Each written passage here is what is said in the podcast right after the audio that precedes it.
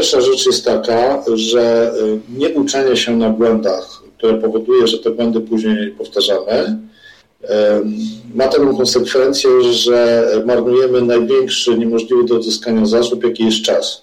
Mhm. Czy to jest czas na naprawienie skutków tych błędów, e, czy to jest czas na to, że znowu popełniliśmy ten błąd i znowu trzeba tam, no w sumie też naprawiać te błędy.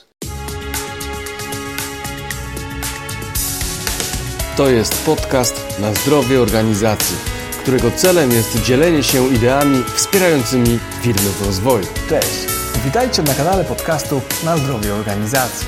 Tutaj rozmawiamy z moimi gośćmi o tym, jak mądrze rozwijać firmę.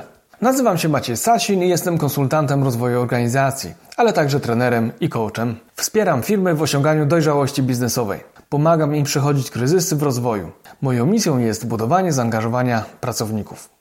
Do podcastu zapraszam trenerów, konsultantów, menedżerów, właścicieli firm, czyli wszystkich tych, którzy mają doświadczenie w przełamywaniu ograniczeń, które towarzyszą rozwojowi każdej organizacji. Zapraszam do słuchania, obserwowania i komentowania. Macie Sasin. Gościem 22 odcinka podcastu na zdrowie organizacji jest Jarosław Łojewski. Jak sam o sobie mówi, zbudował markę osobistą na błędach i porażkach, a tak poważnie to prowadzi fundację Dobra Porażka i organizował Fuck Up Nights w Trójmieście. Na co dzień jest menadżerem IT w dużej spółce w branży ubezpieczeniowej. Fundacja Dobra Porażka obija patronat nad moją książką, narzędziownikiem Checklisty dla biznesu, za co bardzo dziękuję i cieszę się, że tak się stało, ponieważ te listy właśnie na błędach i porażkach bardzo często powstają. Polecam też podcast Jarka, który prowadzi w ramach fundacji Dobra Porażka. Dwa tygodnie temu byłem gościem w jego cyklu na cudzych błędach, gdzie opowiadałem o swoich doświadczeniach w prowadzeniu firmy i błędach, które po drodze popełniłem lub zauważyłem u innych przedsiębiorców jako często powtarzające się. Z Jarkiem rozmawiamy na temat tego, jak można uczyć się na błędach w organizacjach i wykorzystać pojawiające się często wstydliwe porażki do wzmacniania firmy w przyszłości. Aby rozsądnie wyciągać wnioski z porażek, musi być do tego przygotowany odpowiedni grunt w postaci odpowiedniej kultury organizacyjnej, w której błąd nie oznacza porażki, a jest przyczynkiem do tego, żeby usprawnić procesy, procedury i wprowadzić nowe, lepsze standardy w organizacji. W opisie do tego odcinka znajdziecie linki do źródeł, o których rozmawiamy w trakcie rozmowy. A teraz już zapraszam do odsłuchania rozmowy z Jarkiem Łojewskim. Maciej Sasin.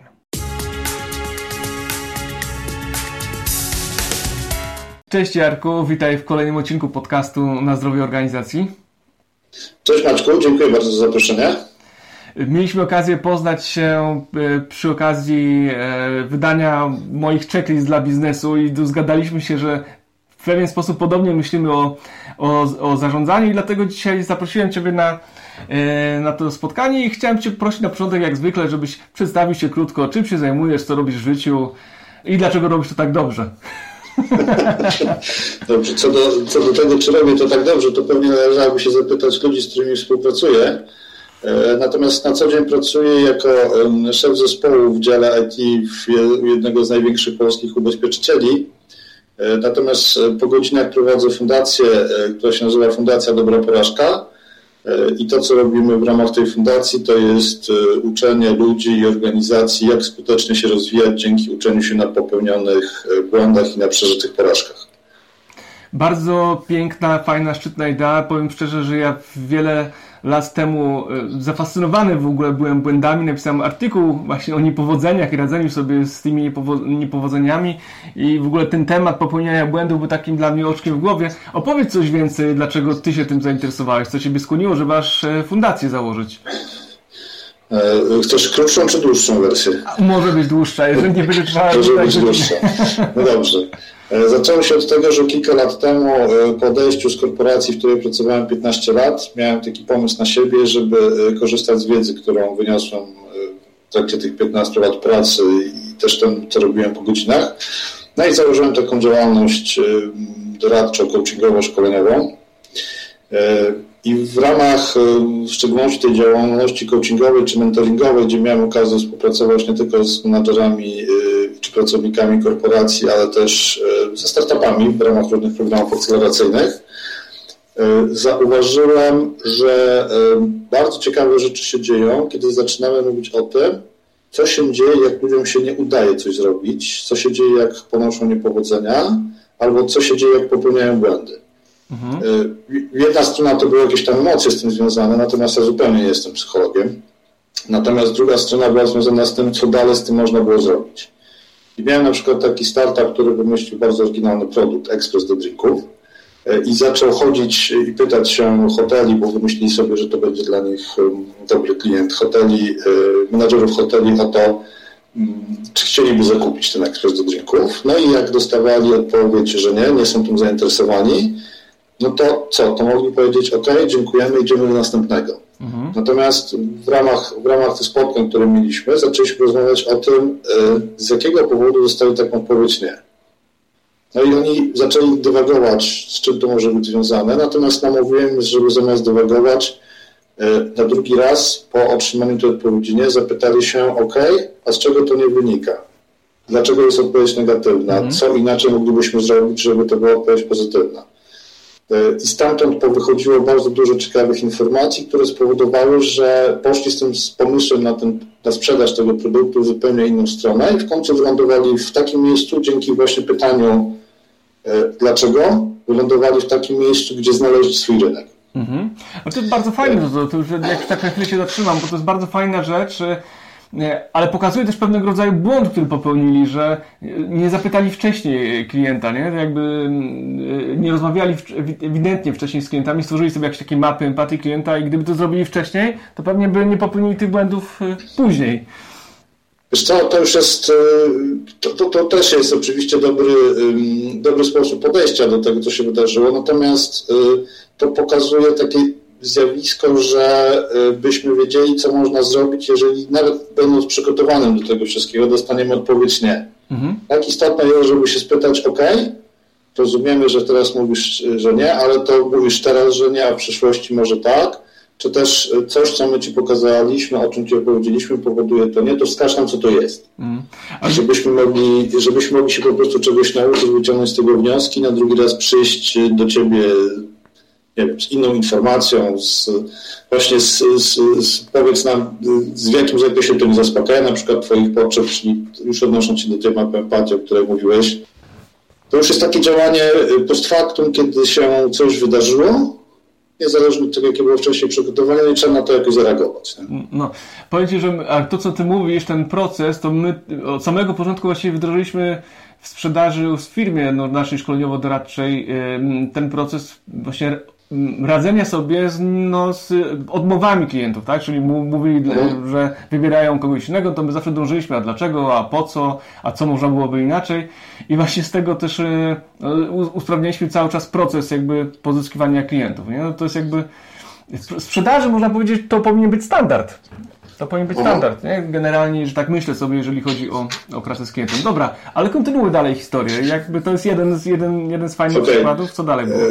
E, tylko dodam jedną rzecz. E, przedwczoraj napisałem e, szkic artykułu dotyczący właśnie tego, jak, co zrobić, jak, jak usłyszymy nie od, od osoby, z którą rozmawiamy, od której coś chcemy. I szukając właśnie materiału, żeby jakoś sobie tą, to, co mam w głowie, uporządkować, bardzo dużo takich rzeczy, które znalazłem, dotyczyły właśnie procesów sprzedażowych. E, bardzo mało dotyczyło innych rzeczy. No ja też, umówmy się, nie jestem dobrym sprzedawcą, e, więc raczej, raczej patrzę na to nie w kontekstach innych niż sprzedażowych, także będzie tam więcej o tym.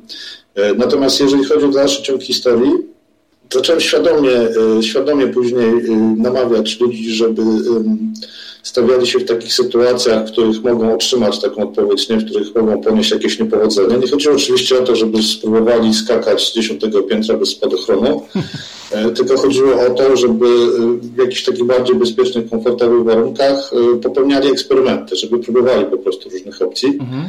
E, które dadzą im odpowiedź na pytanie, czy dobrze działają, czy źle coś robią, czy dobrze się komunikują, e, czy jest to jakiś sposób na zbudowanie relacji z zespołem itd. Tak itd. Tak No i jak to w takiej działalności są takie okresy, które są czasami bardziej aktywne, czasami mniej. Takim bardzo mało aktywnym okresem zawsze jest czas między, przynajmniej u mnie, między Bożym Narodzeniem i Nowym Rokiem. No i siedząc i szukając jakichś materiałów, które mógłbym użyć do komunikacji z klientami, natknąłem się na taką inicjatywę Fakat e, która, która miała e, być e, pierwszy raz uruchomiona w Polsce. I bardzo mnie zaintrygowała idea tej inicjatywy, która polega na tym, że organizatorzy zapraszają gości, 3-4 osoby, które proszą o powiedzenie o swoich porażkach i o tym, co dla tych osób z tych porażek wyniknęło, czego się z tego nauczyli. Takie dzielenie się doświadczeniem mm. z mhm. porażek. Tak mi się to bardzo spodobało, bo stwierdziłem, że pasuje mi to właśnie do tego, do tych działań, które robię w zakresie e, coachingu czy, czy nawet doradztwa, że otwiera, robią to w Warszawie, natomiast ja to zrobię w Trójmieście. Zresztą to organizować w Trójmieście, no i tak się stało. E, generalnie gdzieś tam krąży po różnych głowach, że Łojewski wymyślił Fuck Up Nights, czy tam sprowadził je do Polski. Nie, to była ekipa e, z Warszawy, która to zrobiła. Ja się przyłączyłem do tego pociągu, który już zaczął tutaj w Polsce jechać. Natomiast faktem jest, że w ciągu półtora roku zrobiłem 28 takich wydarzeń, przede wszystkim w Trójmieście, później też w, w Warszawie, po tym jak tamta ekipa e, zrezygnowała z prowadzenia tego. Także gdzieś tam później byłem kojarzony jako człowiek od fakapów. Taka specyficzna marka osobista w sensie. No i, i po, po mniej więcej półtora roku prowadzenia tych działań stwierdziłem, że już moje bateryjki trochę na ten temat zaczęły się wyczerpywać. Poza tym zacząłem czegoś tam jeszcze w tym wszystkim e, brakować. Przekazałem to, ten temat w Warszawie i w tym mieście w dobre ręce. No i odłożyłem jakby ten temat na półkę. Natomiast okazało się, że właśnie ta marka osobista tak się do mnie, związana z, z byciem człowiekiem od fakapów, e, tak się do mnie przykleiła, że mimo, że już tego nie robiłem, to wszędzie w jakichś takich miejscach, w jakichś konferencjach innych przedstawiono właśnie jako takiego człowieka.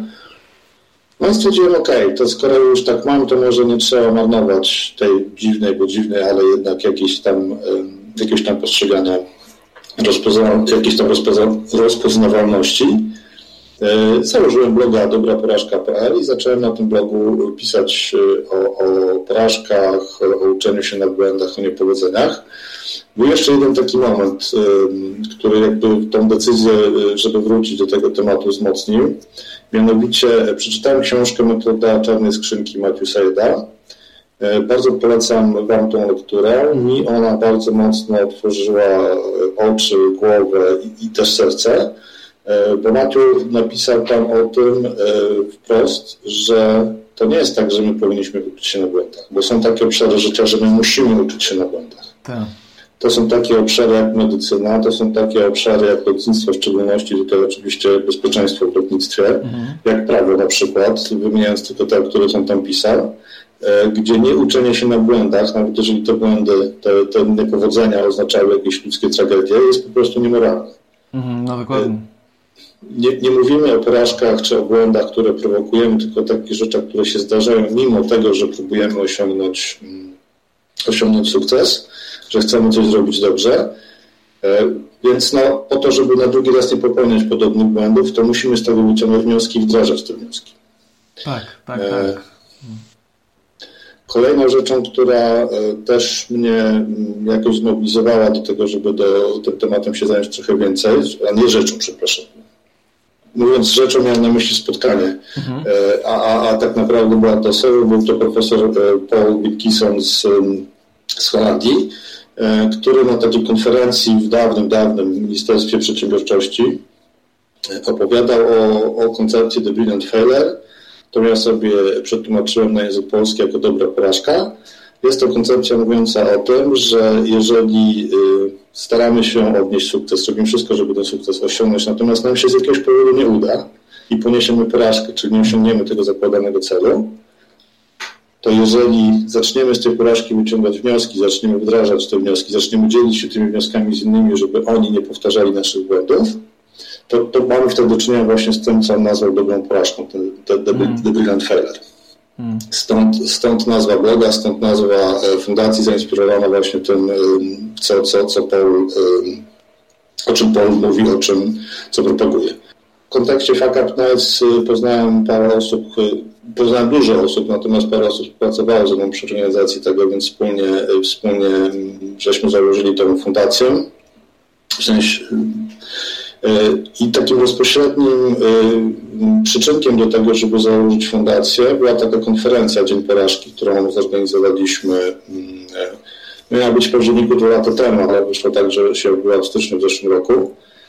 Natomiast no, wcześniej też pojawiały się ze strony różnych firm i większych i mniejszych propozycje jakichś wystąpień, warsztatów, wykładów, które namawiałyby ludzi do tego, żeby nie bać się eksperymentowania, czyli nie bać się popełniania błędów, ale też, żeby wyciągać wnioski z tego, co się nie udało, mimo że to nie były eksperymenty, tylko takie normalne działania. Więc to też było dla mnie bardzo inspirujące, rozwojowe, no bo gdzieś wyczytałem, że człowiek najwięcej się uczy, jak musi uczyć innych i chce to zrobić dobrze, tak? Tak, e, tak, w... tak, dokładnie. Najlepiej uczymy się ucząc innych w ogóle. To jest też moja taka dewiza. To jest coś, co nas wzmacnia i pozwala spojrzeć na wiedzę z innej perspektywy. Nie? Mhm. No i też po, po, e, porządkuję to. Ja jak przygotowuję się do szko- przygotowuję nowe szkolenie, czy, czy, czy jakiś artykuł, czy, czy coś e, w tym stylu, to staram się znaleźć uporządkowaną wiedzę w literaturze, czy, czy w jakichś artykułach, po to, żeby jakby zderzyć się z tym, co ja mam w głowie i na podstawie tego przygotować właśnie taki materiał, który, którym będę mógł się podzielić z innymi, a to też mi pomaga uporządkować, usystematyzować sobie pewne rzeczy, a czasami odkryć jakieś niuanse, e, czy nawet e, odkryć to, że w jakimś tam obszarze, gdzie mi się wydawało na podstawie mojego doświadczenia czy usłyszanych historii, że to jakoś powinno działać, że jednak nie, że jednak e, są jakieś fakty, są jakieś badania, są jakieś potwierdzone sprawy, które mówią o tym, że do tego należy podchodzić inaczej, to jest super. Dokładnie. Jarku, a, no bo wiadomo, na, to jak wspomniałeś, Fundacja Dobra Porażka, czy dobraporażka.pl, tam jest dużo materiałów, warto zajrzeć, poczytać, ale czy Fuck Up Nights też są udokumentowane dziś na YouTubie, czy... Tak, Fuck Up Nights są udokumentowane na YouTubie. Y, mm, tak zwracam uwagę, że jest to patent, pomysł Fundacji z Meksyku, która nawet sobie zastrzegła nazwę Fuck Up Nights, żeby nie było. E, także jak na YouTubie wpiszecie słowo Fuck Up Nights, to znajdziecie materiały z całego świata, bo był taki moment, że ponad 200 miast na świecie organizowało te wydarzenia. E, w, znajdziecie też materiały z Polski, jest trochę z Trójmiasta, jest trochę z Dublina, bo tam też były robione. E, niedawno, niedawno były robione, ale przed pandemią się zaczęło, więc nie wiem, co się z tym dalej dzieje we Wrocławiu. W Trójmieście są regularnie robione w miarę też znowu gwiazdka patrz pandemia. E, także te, te, rzeczy się dzieją, zachęcam do obserwowania, zachęcam do podglądania. E, na, na stronie naszej fundacyjnej, dobraporażka.pl w zakładce wideo też można znaleźć e, część filmów tutaj z polskich, linki do części filmów z polskich tych spotkań Fuck Up Nights. Zachęcam. Super, wiesz, to ja w ogóle jestem wielkim fanem uczenia się na, na, na błędach, ale jestem wielkim przeciwnikiem popełniania tych samych e, błędów i to mnie najbardziej irytuje, e, a szczególnie jak sam, samemu się zdarza popełnić ten sam błąd, to po prostu wtedy e, mam takie poczucie, że kurczę, no przecież można było tego uniknąć, gdyby się zrobiło, gdyby samemu się wyciągnęło wniosek. No właśnie, ale jak już mówimy o tych porażkach... Wiesz co, wiesz co ale jest takie powiedzenie, że niektóre błędy są takie fajne, że szkoda je popełnić tylko raz. o, dobre, dobre. Słuchaj, ale y, bazując na swoich doświadczeniach i właśnie takiej, mm, z jednej strony takim korporacyjnym, który posiadasz, a z drugiej strony ze startupami, masz takie fajne, no dwie różne perspektywy de facto. E, powiedz, e, jak ty definiujesz swoją zdrową organizację? Czyli jakby po czym ty poznajesz, że jak poznajesz, jak wchodzisz do firmy, to widzisz, że tam rzeczywiście jest ok albo jest nie ok, czyli niezdrowo. Jaki, jaki ma swój taki papierek lakmusowy? Wiesz co, miałem ostatnio, przez ostatnich kilka lat okazję wchodzić e, dosyć e, intensywnie w przynajmniej trzy organizacje, takie duże. E, I mm, to, co, po czym poznawałem, że ta organizacja jest zdrowa, taki pierwszy symptom, to był taki, że nie musiałeś chodzić do przełożonego, żeby poprosić jego pracownika, żeby jego pracownik mógł coś zrobić. Mhm. Załóżmy taki scenariusz, że mamy jakiegoś specjalistę, który się zajmuje e, nie wiem, wymyślam już teraz sobie, tak? Wpisywaniem faktur, e, wpisywaniem faktur do systemu. No i nagle się okazuje, że przyszła jakaś dodatkowa paczka faktur i trzeba tą większą ilość tych faktur wpisać w tym samym czasie, który, e, który zazwyczaj był poświęcony na inną ilość. No i ten pracownik oczywiście od faktur ma swojego menadżera, ten ma jeszcze swojego dyrektora, a ja jestem zupełnie spoza tego działu w korporacjach możliwe są dwa podejścia, tak? Po pierwsze idę w tym momencie do dyrektora i mówię mu, szanowny panie dyrektorze, jest dodatkowa ilość faktur do wpisania, u ciebie w dziale jest pracownik, który się będzie tym zajmował. Dyrektor mówi, ok, to ja wezmę tego kierownika, pod którego podlega ten pracownik, o tym porozmawiamy, co zrobić, kiedy zrobić, jak to zrobić. E, I później gdzieś tam po rozmowie dyrektora z kierownikiem e, jest, jest rozmowa z pracownikiem, albo nawet nie rozmowa z pracownikiem, tylko kierownik mówi, ok, to ja porozmawiam o tym z pracownikiem, i tymi to dajmy, to już wtedy załatwimy tak, jak myśmy się mówili. Tak? tak? To, jest, to jest wersja A. Wersja B. Mhm. E, wiedząc, że jest takie zadanie do zrobienia, idę bezpośrednio do pracownika i mówię do niego, Kasiu, mamy dodatkowe 100% więcej faktur, potrzebujemy to zrobić w tym, w tym czasie. Jak to ogarnąć? E, jeżeli Kasia mówi, OK, ja sobie, daj mi tam dzień na przemyślenie, ja sobie ustalę, jak to zrobić, ewentualnie jak mi coś nie będzie pasowało, to skon, skonsultuję to z moim kierownikiem, żeby na przykład inne rzeczy przełożyła na inny termin, to dla mnie właśnie to jest wersja B, która oznacza, że ta organizacja jest zdrowa, bo pracuje w taki sposób, żeby nie trzeba było za każdym razem, e, mając do wykonania jakieś zadanie, które jest sensownym i koniecznym do wykonania zadaniem, mhm. uruchamiać mechanizm potwierdzania, że tak trzeba to zrobić. Mhm. Już powiem to, że w tej wersji A często jest bronienie się przed różnymi rzeczami. Tak. tak?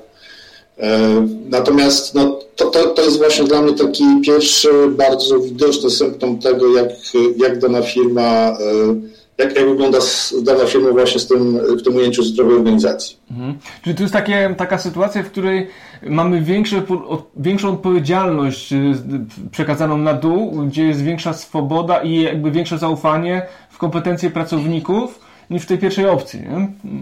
Tak, tak. Tutaj dwa, dwa słowa klucze, które y, powiedziałeś dla mnie, y, czyli odpowiedzialność za to, jaka jest moja rola w tej organizacji i, i za efekty mojego działania, a drugi to jest to zaufanie, że przełożeni, którzy są w większości organizacji, co tu dużo kryć, E, mają zaufanie do swoich pracowników, że oni robią e, to, co mają robić w dobry sposób, potrafią się zorganizować, potrafią e, wziąć na siebie odpowiedzialność za dowiezienie tych rezultatów, które są od nich oczekiwane. Tak? Mhm. Bo nam nie zależy na tym, żeby pracownik pracował, tylko żeby jego praca dawała oczekiwane przez nas rezultaty. Dokładnie. Ja jak patrzę na swoje doświadczenie, że jak w prowadzeniu firmy, to mi się zdarzało gdzieś tam kiedyś wkraczać e, też za bardzo, że tak powiem, a i zauważyłem, że czasem ten, to, co ja mówię, to mm, nie zawsze pomaga, a czasem przeszkadza, ponieważ ja nie mam tych wszystkich e, informacji operacyjnych, które ma pracownik i jak gdyby on sam podjął decyzję, to ona byłaby często bardziej wartościowa niż taka decyzja arbitralna z góry. Nie? To już tak mówię w swoim doświadczeniu. I jak ja mhm. zobaczyłem to u siebie, to po prostu z tego, po, z tego tej metody A, którą opisałeś, szybko przyszedłem do tej metody B i ewentualnie jak metoda B rzeczywiście coś nie, nie działa, to dopiero wtedy e, wchodziłem w tą taką bardziej dyrektywną niż formułę. To tak ja się nauczyłem na swoim doświadczeniu. E, znaczy, zdrowa organizacja ma też to do siebie, że menadżerowie umieją zastosować odpowiednią metodę zarządzania w odpowiednim kontekście. Mhm tak? bo taka metoda konsyliacyjna, uzgadnianie wszystkiego z pracownikami, dawanie szerokiej odpowiedzialności jest super w takich normalnych e, warunkach. Natomiast przychodzą czasami ciężkie czasy, niekoniecznie covidowe, e, gdzie no, wymagana jest czasami działalność taka bardzo autorytarna, taka dyrektywna. Tak? tak. Ciężko sobie wyobrazić na pewno każdemu z nas, że jak wóz strażacki podjedzie pod e, pożar, gdzie, gdzie już się dzieje, tak, to oni teraz staną i się będą zastanawiali, kto gdzie pójdzie. Tylko od tego jest tam dowódca, żeby w tego typu sytuacjach mówić mu, Staszek idziesz tu, Zosia idziesz tam. Natomiast dyskusję o tym, kto czym się powinien zajmować w trakcie takiej akcji, można uzgodnić, można przegadać. W momencie, kiedy jest spokój, kiedy nie ma, nie ma akcji, kiedy jest czas na to, żeby właśnie zastanowić się, jak będziemy działać w tych momentach, gdzie jesteśmy najbardziej potrzebni. Dokładnie, czy w sytuacjach kryzysowych rzeczywiście no, wtedy i zupełnie inaczej się funkcjonuje. Rzeczywiście, tak jak ma, masz rację, że tutaj takie dyrektywne zarządzanie jest, jest wskazane. Natomiast generalnie myślę, że w zarządzaniu, ja myślę, że pójdziesz, jak opowiadając tę historię, że pójdziesz w tego e, koncepcję Kena Blancharda, czyli jakby w kontekście zarządzania sytuacyjnego, w zależności od, e, od kompetencji i posiadanych przez pracownika, jego, jego osobistego zaangażowania, no bo wtedy też nawet w normalnych warunkach trzeba inaczej patrzeć na, na, na, na, na ludzi. No, też mi nasunąłeś taki, taki, taki przykład, że czasami też można przesadzić, znaczy y, kiedyś, znaczy ja to przynajmniej tak y, na szkoleniach y, słyszałem od pracowników, którzy mówili o swoich doświadczeniach z z pracowni- z, ze swoimi szefami, którzy chcieli być tacy bardzo właśnie coachingowi, tacy wyciągający i tak dalej. I tak sobie myślą, że czasami po prostu ich to tak męczyło, że mówią, no nikt mi powie, jak mam to zrobić, ja nie wiem. po prostu, czyli jakby, jak ktoś jest na poziomie instruktażowym, to stosowania na nim metody coachingowych, no nie będzie najlepszym rozwiązaniem. E, ja generalnie mam takie spostrzeżenie, ponieważ e, w tym świadku coachingowym parę lat dosyć intensywnie działałem że osoby, które poznały to podejście, tę metodę, są na, na, na początku jej stosowane takimi wielkimi fanami i próbują z nią wciskać wszędzie, tak? Próbują z niej korzystać wszędzie. Natomiast ja z jednej strony miałem dobre, dobre trenerki, a z drugiej strony mm, też to, co zaobserwowałem, że musimy dobierać sposób zarządzania ludźmi nie od strony spojrzenia na organizację, tylko od strony spojrzenia na konkretną osobę. Bo jedna osoba będzie potrzebowała, żeby jej dać e, algorytm działania i ona wtedy będzie to robiła super już. Natomiast oczywiście nie do wszystkich działań nadają się algorytmy, czyli nie do wszystkich zadań ta osoba może się nadawać. Tak. E, a druga osoba będzie e, tylko potrzebowała informacji, gdzie, jaki jest cel tego działania, co ma być osiągnięte i już sama będzie kombinowała, jak to zrobić skutecznie. Tak. Też może kombinować nieskutecznie. Tu się, rzeczywiście, też... tu się rzeczywiście mieszają takie kwestie z jednej strony osobowościowe, a z drugiej strony kompetencyjne, nie? Mhm. Natomiast no, też y, y, należy z umiarkowaniem stosować jakąkolwiek metodę zarządzania czy, czy, czy komunikacji, z umiarkowaniem związanym z, z celem i z tym, do kogo z tym trafiamy. Prowadząc, mówiłem o tym, że tam 15 lat dużej korporacji pracowałem przez ostatnie 5 lat, pracowałem z absolutnie fantastycznym zespołem ludzi, którzy bardzo samodzielnie działali. W zasadzie moją jedyną rolą było tylko um, organizowanie im przestrzeni do tej pracy, żeby nic im nie przeszkadzało. No i też mieliśmy różne pomysły związane z tym, jak usprawnić naszą pracę, jak zmieniać pewne rzeczy, jak inaczej podchodzić do tematów, albo jakieś pomysły związane z jakimiś nowymi tematami organizacyjnymi. Oczywiście część pomysłów pochodziła z zespołu, część ode mnie. E, były na ten temat różne dyskusje. Często te dyskusje kończyły się stwierdzeniem, ok, to dajmy sobie szansę, wypróbujmy ten pomysł mhm. przez miesiąc, przez tydzień, w zależności mhm. od kontekstu i później wrócimy do tego. Natomiast to też, co się nauczyłem, zarządzając swoim zespołem, ale też drugą stronę od, od, od mojego ówczesnego szefa, że jest taka przestrzeń, że można sobie dyskutować, można rozmawiać e, na temat różnych opcji, sposobu podejścia. Natomiast na koniec musi zostać podjęta decyzja, jeżeli nie da się jej podjąć, nie wiem, przez głosowanie, no to po to jest właśnie ten szef, żebym powiedział, dobra, słuchajcie, ponieważ nie możemy się dogadać, tak, to ja podejmuję decyzję, że od mhm. dzisiaj próbujemy działać tak, i wrócimy do tego za jakiś czas, zobaczymy, czy to, czy to po prostu zadziałało.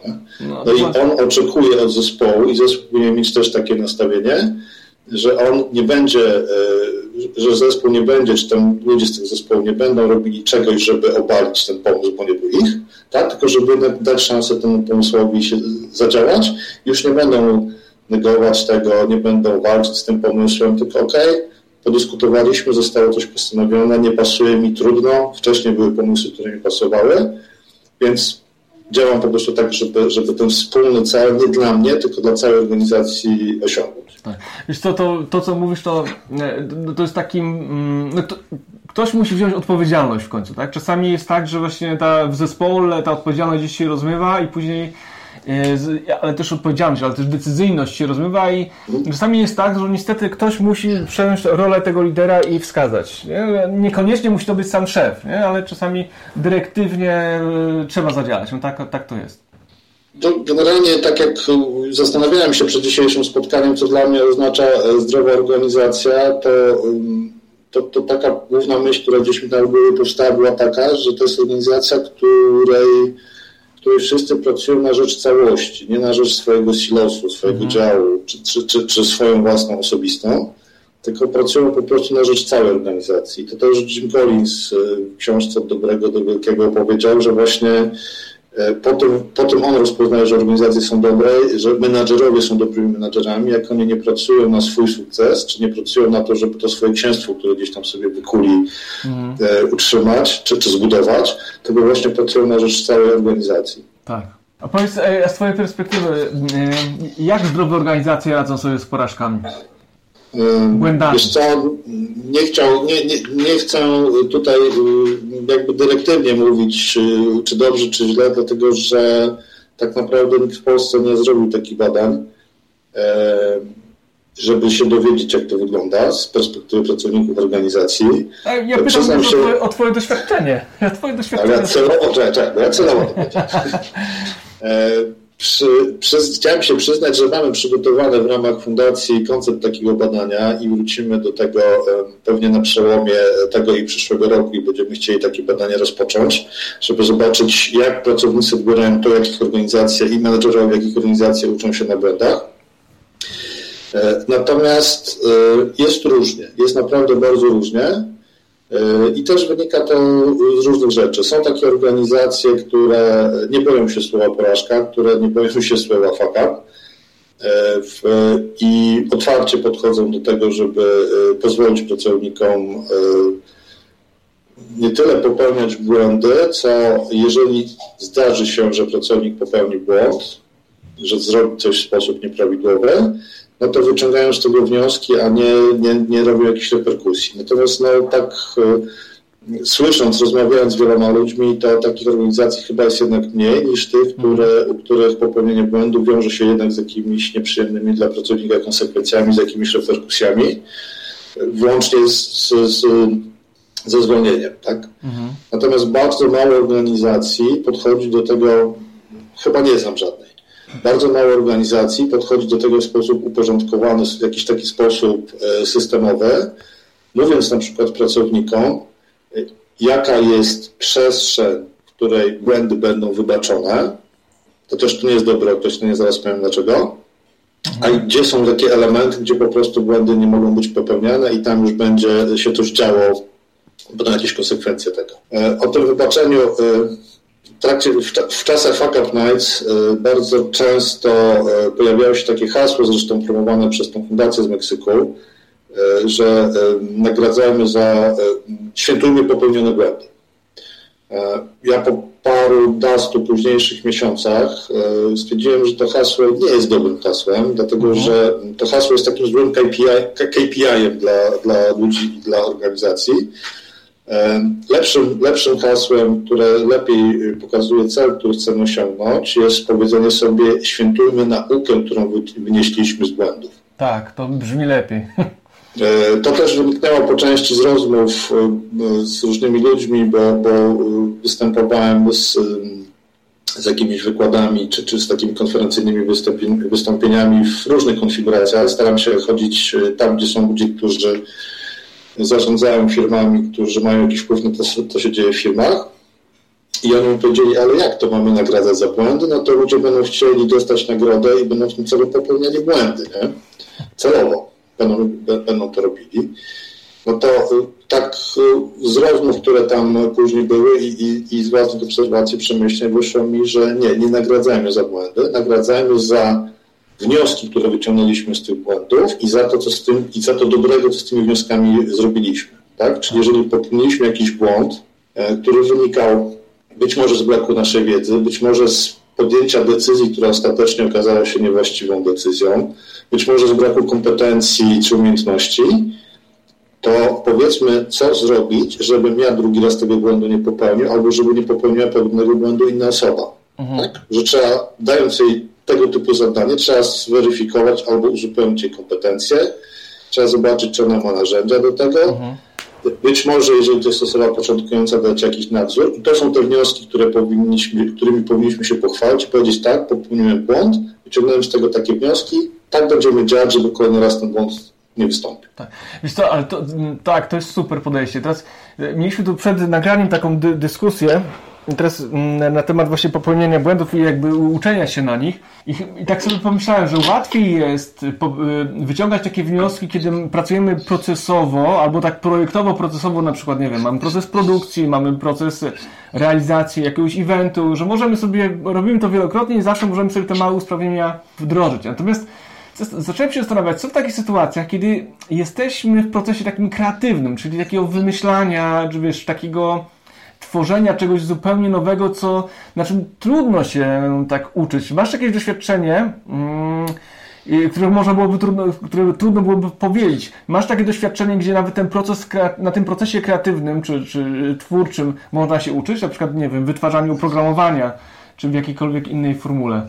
Oczywiście, oczywiście, że to jest najlepsza, najlepszy moment na popełnianie, to, to jest jedyny moment, taki proces kreatywny związany z eksperymentowaniem, to jest jedyny moment, kiedy świadomie nastawiamy się na to, że nasze działanie może doprowadzić, albo że nawet chcemy ponieść błąd, tak? chcemy ponieść porażkę, czyli osiągnąć coś, coś niezgodnego z naszymi oczekiwaniami.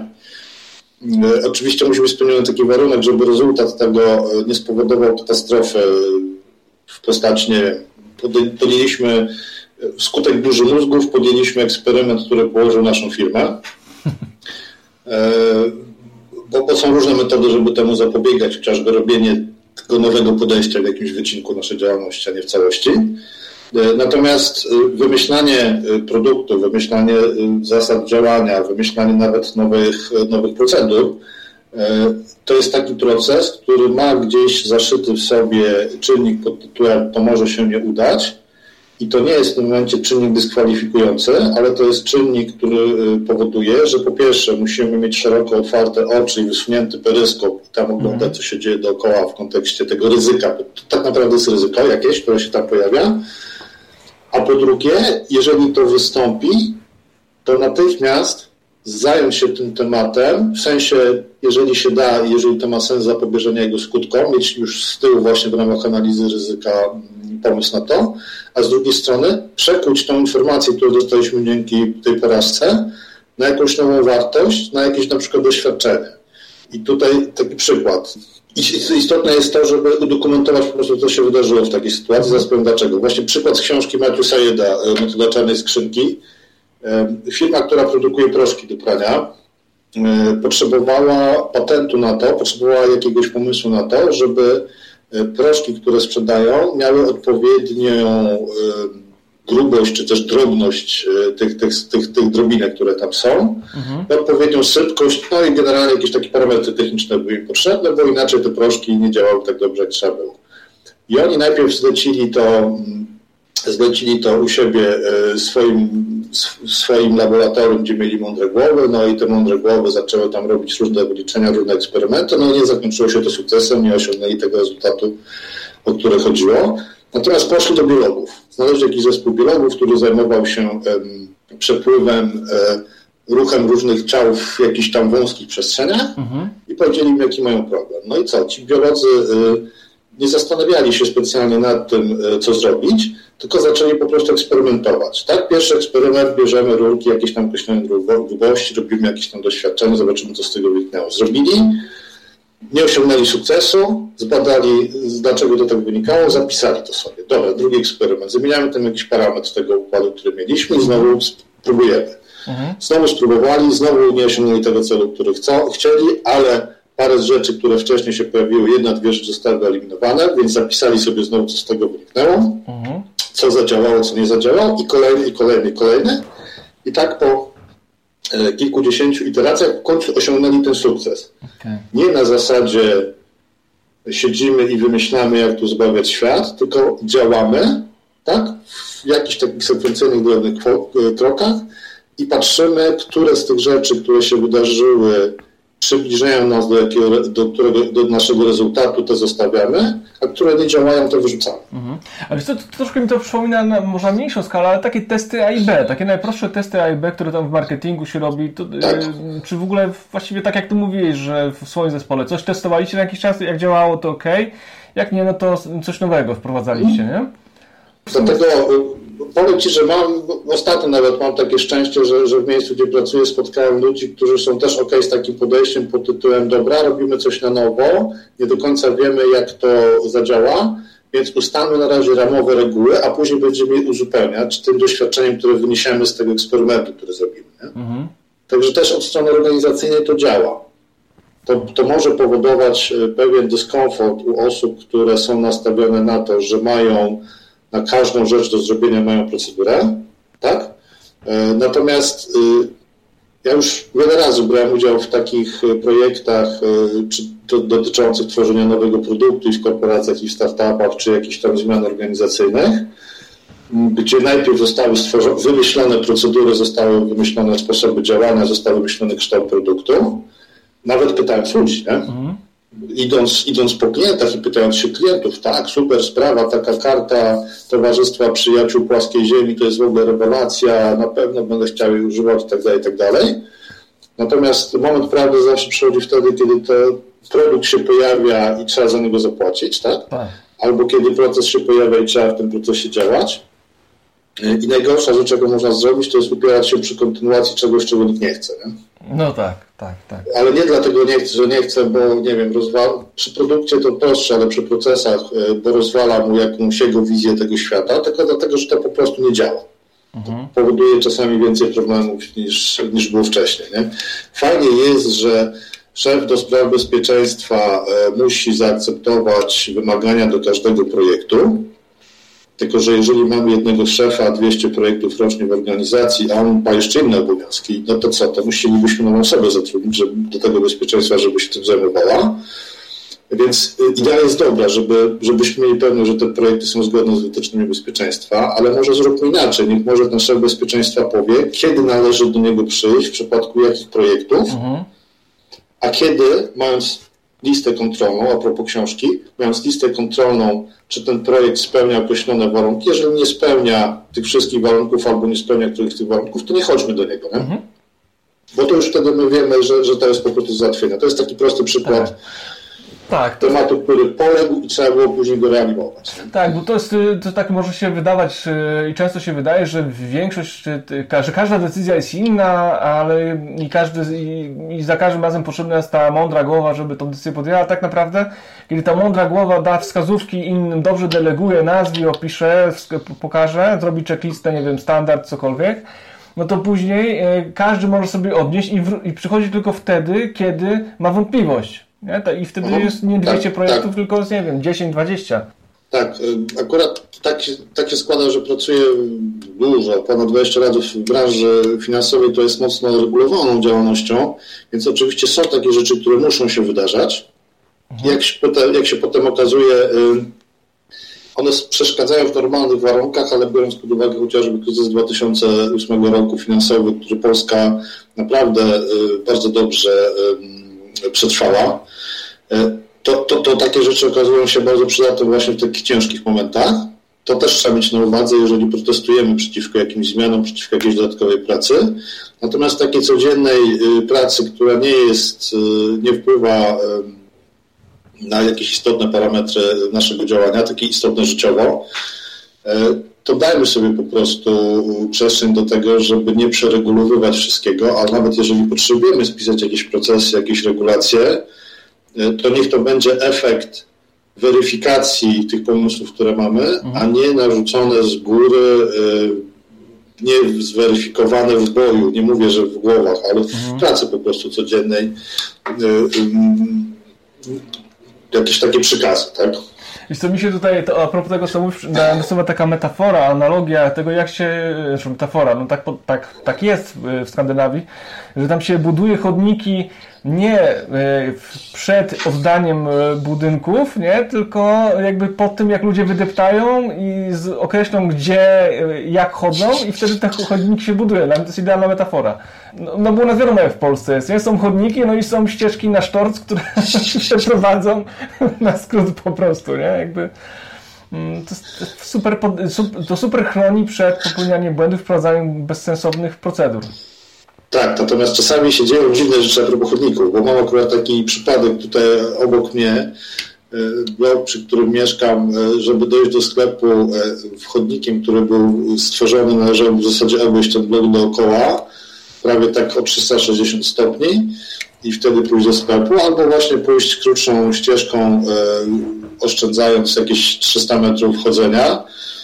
Natomiast pytając się wiele lat spółdzielni, dlaczego tam nie został położony chodnik, powiedzieliśmy się, że ten fragment terenu jest terenem prywatnym i właściwie się nie, zgodzi, nie zgodzi na to, żeby tam ułożyć coś trwałego, nie jego. Nie? Mhm. Więc y, to teraz, teraz mi znowu się kolejna lampka znowu zapaliła, dlatego że mówiliśmy o eksperymentowaniu, o tym, żeby próbować robić różne rzeczy. Jest zwłaszcza w marketingu takie popularne hasło pod tytułem łam reguły. Y, I mi zawsze brakuje do tego hasła takiego dopisku, który gdzieś wyczytałem, pod warunkiem, że rozumiesz, po co zostały ustanowione. Mm, no dokładnie. Bo to też jest, jak mówiliśmy wcześniej o tym, jak sobie organizacje radzą z uczeniem się na błędach, mm, to jest właśnie taki element, który powinien być brany pod uwagę e, w przypadku, kiedy organizacja chce budować tą kulturę uczenia się z porażek. Bardzo fajnie o tym napisała profesor z Harvard Business School, pani Amy Edmondson, e, w artykule, które, który popełniła. E, dała tak przykład pewnej skalowalności sytuacji, które w danej organizacji, które, powinny być dostosowane do danej organizacji, którym momencie błędy, które popełniamy są dopuszczalne, nie w sensie, że będziemy je celowo robić, tak? To celowo, świadomie zaznaczam, żeby komuś nie przyszło do głowy, że namawiam do tego, żeby popełniać błędy. Jeżeli to nie są eksperymenty, nie popełniajcie błędów, róbcie wszystko, żeby osiągnąć sukces. Błędy niepowodzenia przyjdą same, nie prowokujcie ich. E, natomiast jeżeli się zdarzy taka sytuacja, to jest pewien obszar, w którym możemy sobie powiedzieć, ok, w tym obszarze popełnienie błędu w tym, e, nie, nie niesie za sobą jakichś poważnych konsekwencji dla organizacji, natomiast musimy zająć się wyciągnięciem z tego wniosku, ale są takie obszary, na przykład obszar bezpieczeństwa albo obszar związany na przykład z wpływem tego błędu, ze skalą wpływu tego błędu na innych ludzi, w szczególności na ich zdrowie czy życie, gdzie, gdzie popełnianie błędów e, może być powiedziane, że jest absolutnie niedopuszczalne. Mm. To wszystko jest coś, co powinna organizacja chcąca wdrożyć u siebie kulturę uczenia się z porażek, ustalić, umówić się na początku, zakomunikować pracownikom i chciałem teraz powiedzieć, trzymać się tego kurczowo, ale powiem yy, i trzymać się tego, dostrajając to, co, co wymyślili do rzeczywistości, tak? Mhm. Żeby już być zgodnym z tym, co powiedziałem wcześniej. No, dokładnie. E, Jarku, a powiedz, mm, idąc już dalej, e, z jakimi najczęściej symptomami w braku zdrowia organizacji się spotykasz? Tak, dwa, trzy jakbyś mógł wskazać, takie najbardziej symptomatyczne z Twojego doświadczenia. E, wiesz co, to jest um, silosowanie organizacji. Mhm ono jest bardzo wyraźnie widoczne, w, zwłaszcza w działach IT, y, czyli tam, gdzie ja y, od, od zawsze pracuję pomiędzy zespołami rozwoju, utrzymania, bezpieczeństwa, jakimiś innymi rzeczami. Nawet wewnątrz samego działu po prostu takie rzeczy się często, mhm. często zdarzają. No, to oznacza, yy, i to jakby konsekwencją tego jest to, że nie gramy wszyscy do wspólnej bramki, jakąś cel całej organizacji. Tak? Mhm. Ja tu mówię o dziale IT, ale oczywiście też w dużych y, firmach ten dział IT jest często sam w sobie jednym silosem, w którym są silosiki, a działy sprzedaży, marketingu, jakieś inne są też silosami, w których te same tak. rzeczy się dzieją. Ciężko te silosy skomunikować ze sobą. E, to jest, e, to jest jedna rzecz. E, I, I tak naprawdę, jak teraz o tym myślę, to, to takie spojrzenie menedżerów zwłaszcza z, z punktu widzenia swojego interesu, jednej, a nie z punktu widzenia interesów całej organizacji, jest kolejnym objawem tego, że organizacja nie jest zdrowa, ale tak naprawdę konsekwencją tego są właśnie te silosy. Czy to jest coś, coś bardzo mocno widocznego tutaj. Nie?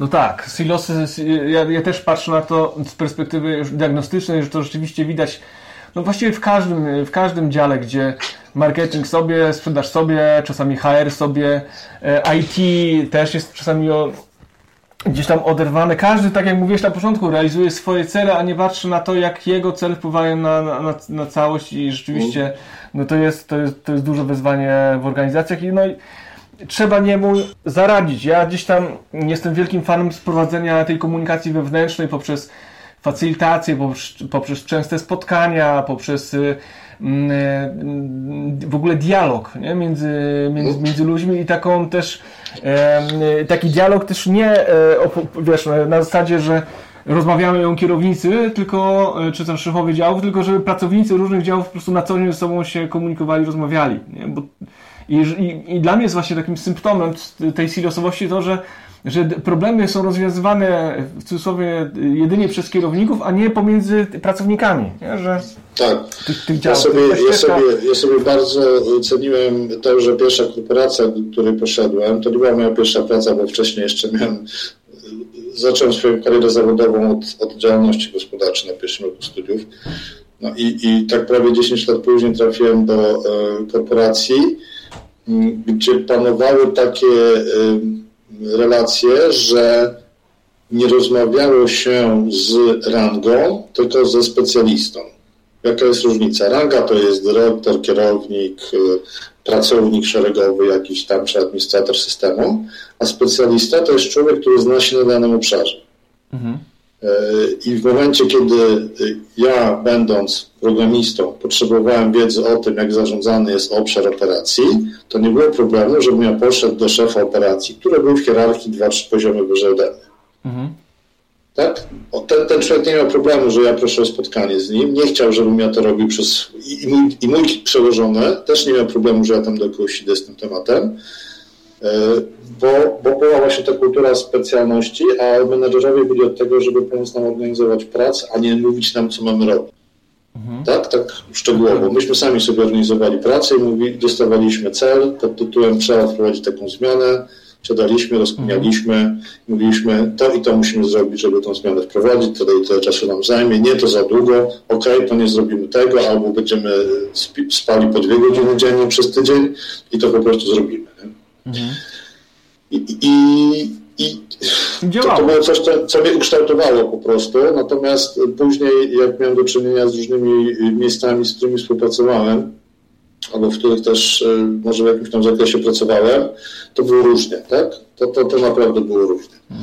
Czy ja jestem tutaj wrogiem takiego podejścia, że wiesz, że mam jakiś problem w organizacji i idę do swojego menedżera, narzekam temu menedżerowi na in, pracownika innego działu, więc ten menedżer idzie do menedżera innego działu i mówi, że my tutaj narzekamy wspólnie na tego pracownika, który tam u Ciebie pracuje i weź Ty tego pracownika teraz i zrób coś tam z nim.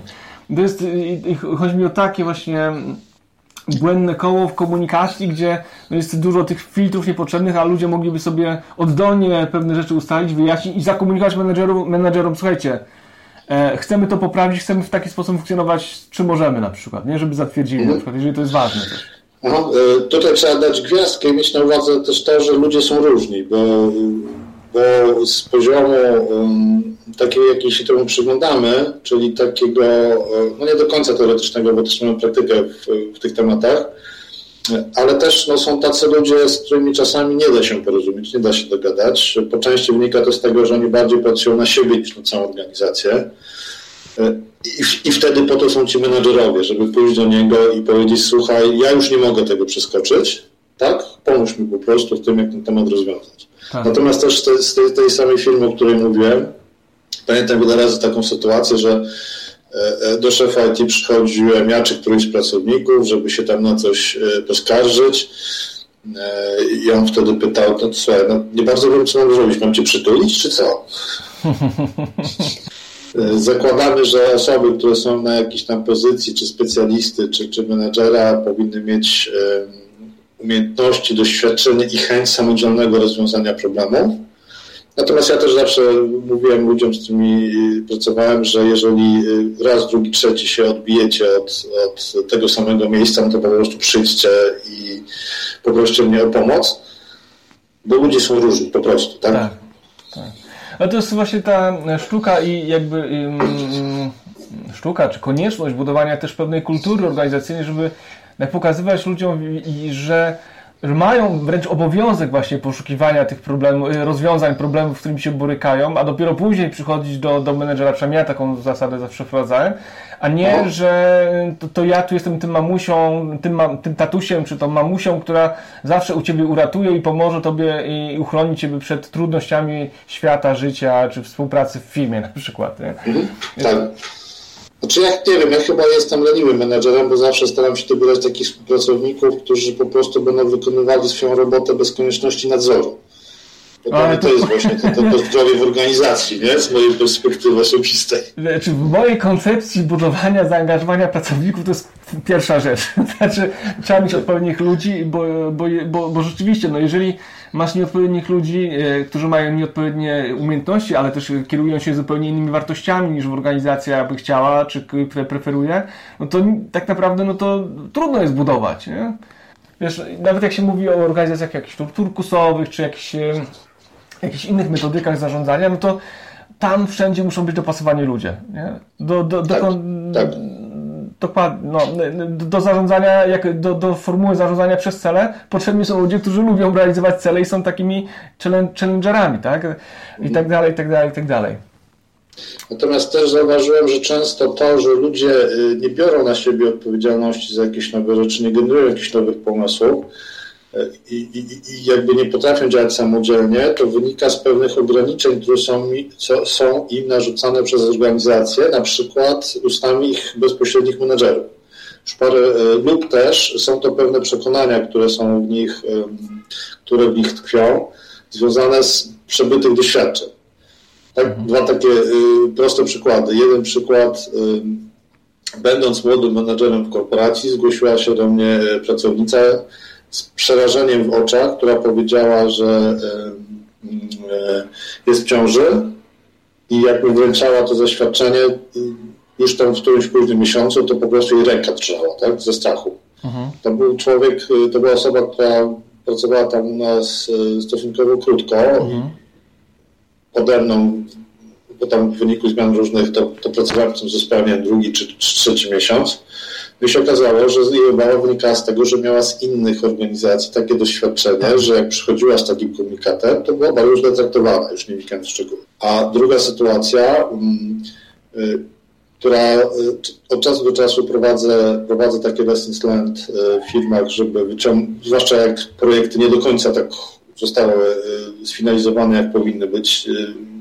Może nie do końca była to porażka, ale też ten sukces nie był dokładnie taki, jaki był oczekiwany. Mhm. I bardzo, bardzo często jest tak, że pierwsze spotkanie Lessons Learned e, e, kojarzyło się ludziom, potem mi o tym mówili, kojarzyło się ludziom z tym, że przyjdzie ktoś i zacznie ich opieprzać, że zacznie wyciągać tak. przewinienia, które robili, że zacznie ich y, strefować i im grozić tym, że no, takie błędy popełniali, to coś, innego, coś, coś złego się po prostu wydarzy. E, więc też pokazanie, że można o tych porażkach, tych błędach rozmawiać w sposób nie powodujący konfliktów, ale e, generujący jakąś nową wartość, jakąś nową wiedzę, powoduje, że ci ludzie nagle e, otwierają się jak płat kwiatu mhm. i zaczynają, zaczynają zupełnie inaczej funkcjonować. Zaczynają rozumieć, że nawet jeżeli sami podejmą jakąś decyzję i ta decyzja okaże się błędna, to nie znaczy od razu, że to będzie dla nich jakaś nieprzyjemna konsekwencja, Mhm. Tak?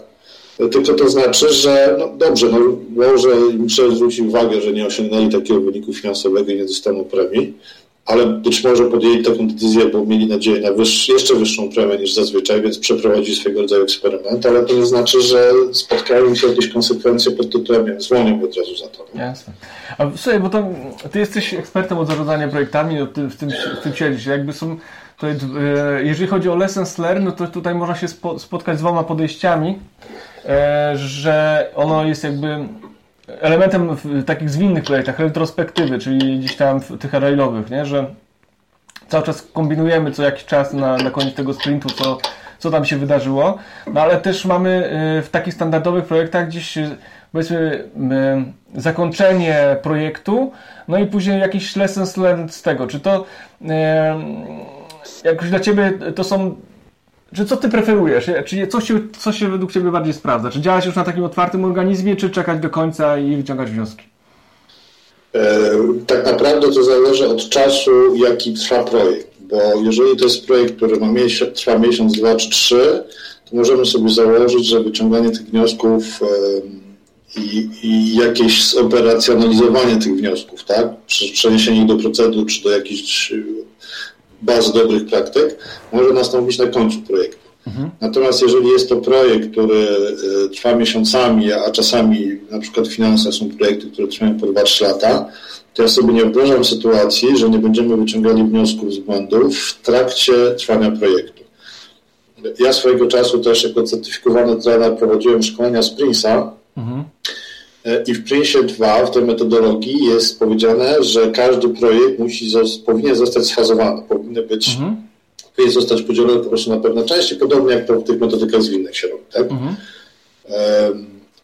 I, I też na końcu każdej części i na końcu, na końcu każdej części powinno nastąpić omówienie tego, co się wydarzyło.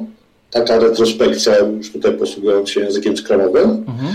I na końcu projektu, poza dostarczeniem produktu projektu, czyli tego, co było wymyślone, to wszystkie artefakty, które powstały w trakcie, cała wiedza, e, nowe szablony dokumentów, e, informacje o konieczności zmian w procedurach itd., tak itd., tak one powinny być zarchiwizowane, czy też y, użyte w taki sposób, żeby, żeby dać korzyść jakby pozostałej organizacji. Mhm. Tak więc jak często będziemy to robić, to tak naprawdę zależy od, od odstępu, od, od potrzeby, tak? Mhm. E, miałem, e, natomiast często jest tak, że bo jeżeli prowadzimy projekt, no to mamy jakiś harmonogram, jakiś plan działania, coś się dzieje, możemy sobie zaplanować, słuchajcie, spotykamy się. E, w tych długich projektach zawsze jest tak, że no, nieważne jak będą prowadzone, że, że co jakiś czas się spotyka komitet sterujący czy, czy, czy, czy jakieś inne podobnie nazwane ciało na którym się opowiada, co się tam wydarzyło i są potrzebne pewne decyzje do podjęcia, to dajmy sobie też w tym momencie miejsce na to, żeby poświęcić parę minut y, y, i pokazać, czego się nauczyliśmy z prowadzenia projektu. Mhm. Nie błędy, jakie popełniliśmy, tylko czego się nauczyliśmy. Mhm. Na przykład e, ktoś zapomniał poinformować administratora systemu o jakiejś pracy, którą będzie musiał wykonać za dwa tygodnie, przyszedł do niego dwa dni czy dzień przed tym terminem, dopiero powiedział, powiedział, ale ja już nie mam czasu, to nie musimy przed zarządem mówić, że e, taki jest błąd, tylko e, powinniśmy na przykład zrobić coś takiego, do planu naszych codziennych działań wpisali, wpisujemy sobie takie atomowe rzeczy, jak poinformuj dzisiaj administratora. Tego się nauczyliśmy. No i wtedy to działa skutecznie. Okay. Więc um, róbmy to tak często, jak to jest potrzebne, jak to ma sens i jak nie jest to nadmiar biurokracji z perspektywy projektu. Dokładnie. Czyli znowu tu mamy pewnego rodzaju e, e, proces, którym e, możemy zarządzać, bo tak, tak naprawdę te kwestie związane z tymi obszarami zarządzania projektami, czyli komunikacja, budowanie zespołu, to, to jest pewnego rodzaju proces. Nie? I jakby i w każdej organizacji świadomie, warto zarządzać świadomie tym, tym, tym procesem wytwarzania produktu, czy tam oprogramowania, czy czegokolwiek. Dobra, a powiedz tak z Twoich doświadczeń, jakie są koszty występowania tych symptomów braku zdrowia organizacji? Ja na prezentacjach, y, które gdzieś tam opowiadam w różnych y, miejscach, to dzielę to na takie cztery składowe. Pierwsza rzecz jest taka, że y, nie uczenie się na błędach, które powoduje, że te błędy później powtarzamy, ma taką konsekwencję, że marnujemy największy, niemożliwy do odzyskania zasób, jaki jest czas. Mhm. Czy to jest czas na naprawianie skutków tych błędów, e, czy to jest czas na to, że znowu popełniliśmy ten błąd i znowu trzeba tam no, w sumie też naprawiać te błędy. Mhm. E, to się oczywiście przekłada na pieniądze, no bo jeżeli musimy w danym projekcie pracować e, dłużej z powodu tego, że popełniliśmy jakieś tam błędy albo to musimy ponosić dodatkowe koszty związane z tym, że ci ludzie muszą przy projekcie pracować, albo jeżeli w wyniku błędu produkt, który wymyśliliśmy jest niedobry, no to znowu ponosimy jakieś konsekwencje finansowe i nie zarobimy na tym produkcie. Mhm. E, bardzo istotną rzeczą, która jest z tym związana, to są emocje. E, relacje międzyludzkie, relacje w organizacjach bardzo dużo częściej opierają się na emocjach, na wzajemnym postrzeganiu się, na postrzeganiu sytuacji, tego jak pracujemy. Mhm. Jeżeli po raz kolejny popełniamy ten sam błąd, to on automatycznie powoduje zdenerwowanie i u nas, bo znowu go popełniliśmy, i u naszych współpracowników, i u naszych przełożonych, co też jakoś tam przekłada się na, na zdrowie organizacji. Mhm. No i czwarta taka ogólna rzecz, nie wyciąganie wniosków, nie uczenie się na błędach może spowodować konsekwencje związane ze zdrowiem czy życiem ludzi, czy też z ich dobrostanem, tak mówiąc ogólniej. E, tutaj się akurat w tym ostatnim przypadku odnoszę do, też do tego, co Matthew Said pisał, e, czyli na przykład do tego, że błędy popełnione e, z punktu widzenia prawa, błędy popełnione przy zbieraniu dowodów, czy przy przestępstwach, czy przy analizie tych dowodów mogą spowodować, że ktoś niesłusznie zostanie osadzony do więzienia, czy nawet skazany na karę śmierci, tak? No tak no to są już e, konsekwencje. Więc, e, więc to, to, to, są te, te konsekwencje, które powodują, że one są bardzo łatwo przeliczalne, zwłaszcza te, te, te dwie pierwsze, e, na, na monety, tak? Mhm. I jak rozmawiam z menedżerami, jaka jest wartość tego, żeby żeby poświęcać czas na lessons learned, bo problem z lessons learned projektowym jest zazwyczaj taki, że ludzie nie mają na to czasu. No tak. Ja mówiłem wcześniej, żeby robić to regularnie, czyli wydłużamy czas tych spotkań, ludzie zazwyczaj są zabiegani, więc szkoda im czasami tego dodatkowego pół godziny raz na dwa tygodnie, ale też jak po, po dużych projektach zachęcam do zrobienia takiego dodatkowego lessons learned po całości idąc, patrząc już z perspektywy mhm. na całość projektu, to też ludzie mówią, ale my nie mamy czasu na to, żeby się spotkać i jeszcze potem coś z tym zrobić, już mam następny projekt, bo organizacja nam każe następną rzecz robić. Mhm. Więc ja mówię, wpiszcie to sobie w projekt i dostańcie przyzwolenie menadżerów, żeby to nastąpiło. E, I menadżerom mówię, dajcie mi na to pozwolenie, a bo jak chcecie się dowiedzieć, dlaczego warto to zrobić, to zastanówcie się z perspektywy tego, co się wydarzyło, jakie są koszty niezrobienia tego. Tak. tak? To jest wasz zysk. To jest nie stracenie czasu waszych pracowników, które każdy jest dobrze wynagrodzoną osobą, i to są te pieniądze, które wytracicie, nie robiąc tych learned. Dokładnie, ale to, to, też pieniądze, ale też właśnie te emocje, stres, który gdzieś z tym się wiąże i przede wszystkim yy, no taka, tracimy tej optymalizacji, mi się wydaje, nie? że yy, jak, tracimy szansę yy, usprawnienia procesów wewnętrznych, o których już tutaj, tutaj mówiliśmy i no to jest takie smutne, ci powiem trochę tak na, na koniec, jakby to powiedziałeś, bo bo, bo rzeczywiście ja kiedyś zrobiłem, słuchaj, e, takie pytanie, zadałem, właśnie miałem wystąpienie na PMI w Poznaniu, zadałem, to było z 200 menedżerów, e, projekt, projekt menedżerów, no i zadałem pytanie, jak u nich tam z tymi lessons learned, no i się okazało, że no, no tak może jedna trzecia, może jedna czwarta podniosła ręce, że rzeczywiście robią te lessons learned. Także no, to smutne. E, problem nie polega na tym, czy robią. No czasami faktycznie to jest wpisane w, w procedurę prowadzenia projektów i po to, żeby zamknąć projekt, to trzeba zgłosić PMO, że projekt y, wszystko zrobił, co miał wykonać, no to, to jest gdzieś tam zrobienie lessons learned. Tylko problem polega na tym, że nic się nie dzieje z tą wiedzą, z tymi wnioskami, które z tych lessons learned wynikają. To jest największy problem. No tak. Tak, ale to u nich to było w ogóle, że, to, że cokolwiek robi, już nie pytałem co, bo już nie było na to przestrzeni i czasu, ale, ale że coś się działo w tym kontekście. Ale reszta, zobacz, to tylko, to, to tylko 25%, a reszta mimo tego, że jest jakimś tam integralnym elementem zarządzania procesami Lessons Learned, no to jednak tego no nie było na to czasu. No, ta odpowiedź, o której Ty mówiłeś, no to jest typowa. tylko, że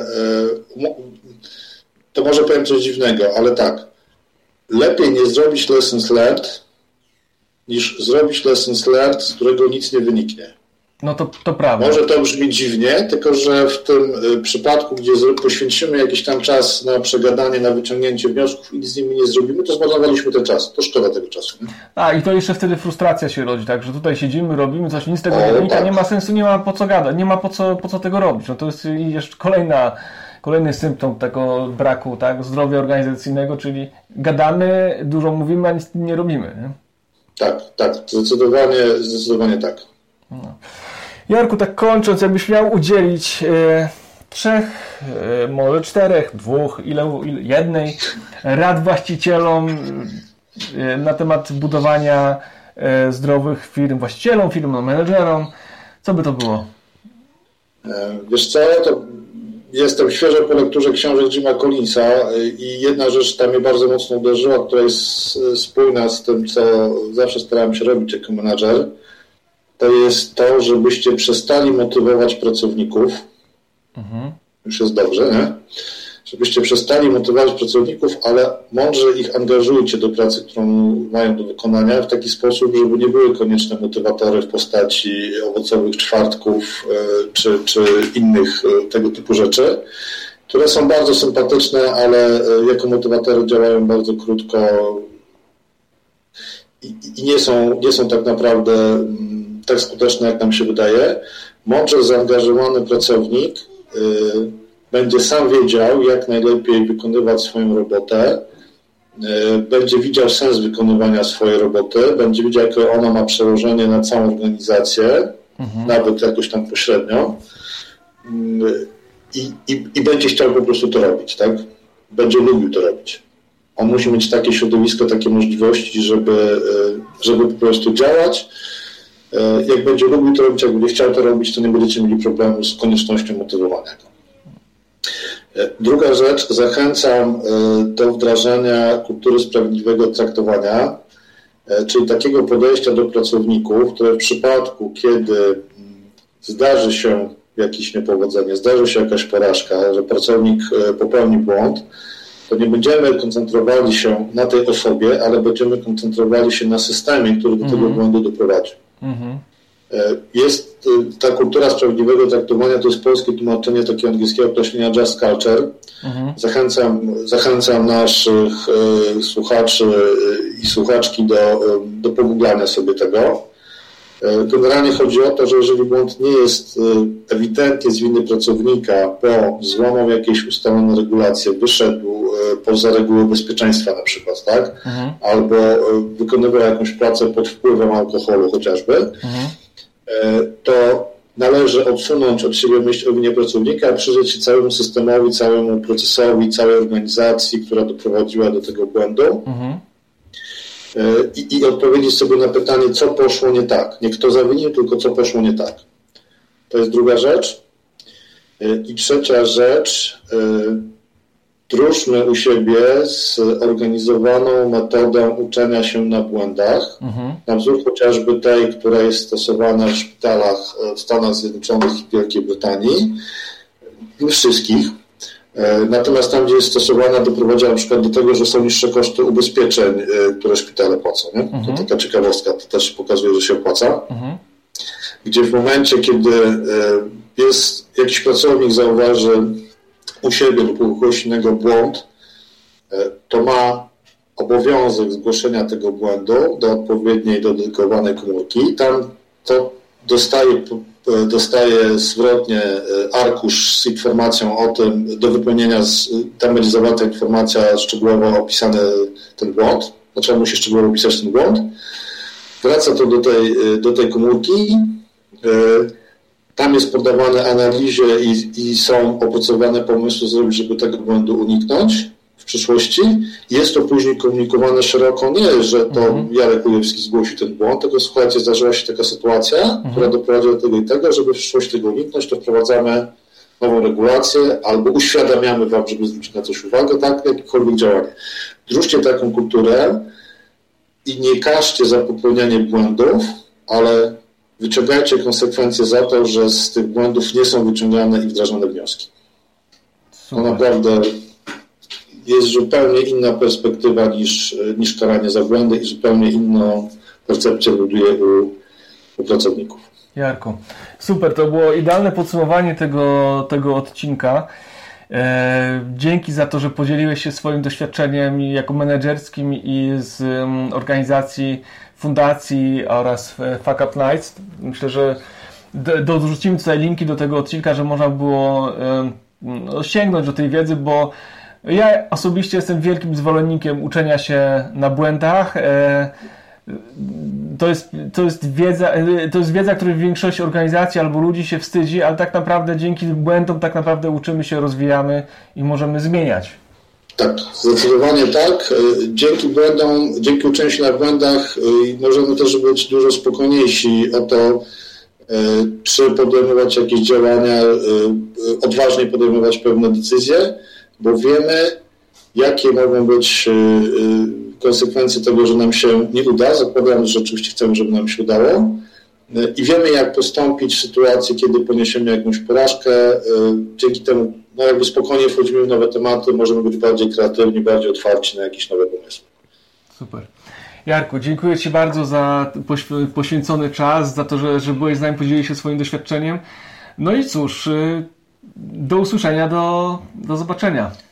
E, dziękuję bardzo za zaproszenie. Jeżeli ktoś z osób nas słuchających chciałby na ten temat jeszcze porozmawiać, czy wymienić się korespondencją, łatwo znajdziecie mnie na LinkedInie czy w innych miejscach w internecie. Oczywiście zapraszam na stronę Dobra Porażka Par. Dokładnie. Dziękuję Maćku za zaproszenie. Linki dołączymy do tego odcinka. Dzięki Jarku. Super. Dziękuję, cześć. Cześć.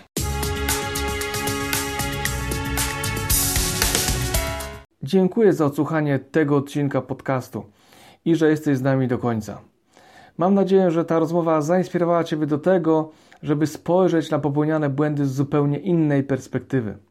Błędy, porażki to jest coś, co nam się przydarza i będzie się przydarzać. Ważne jest, aby mieć do tego dystans i zdrowo podchodzić do nich, wyciągać wnioski i po prostu iść dalej. Na koniec standardowo zapraszam do subskrybowania, komentowania, czy to w aplikacji, w której słuchacie podcastów, czy to w social mediach. A tymczasem na zdrowie organizacji. Pozdrawiam, Maciej Sasin.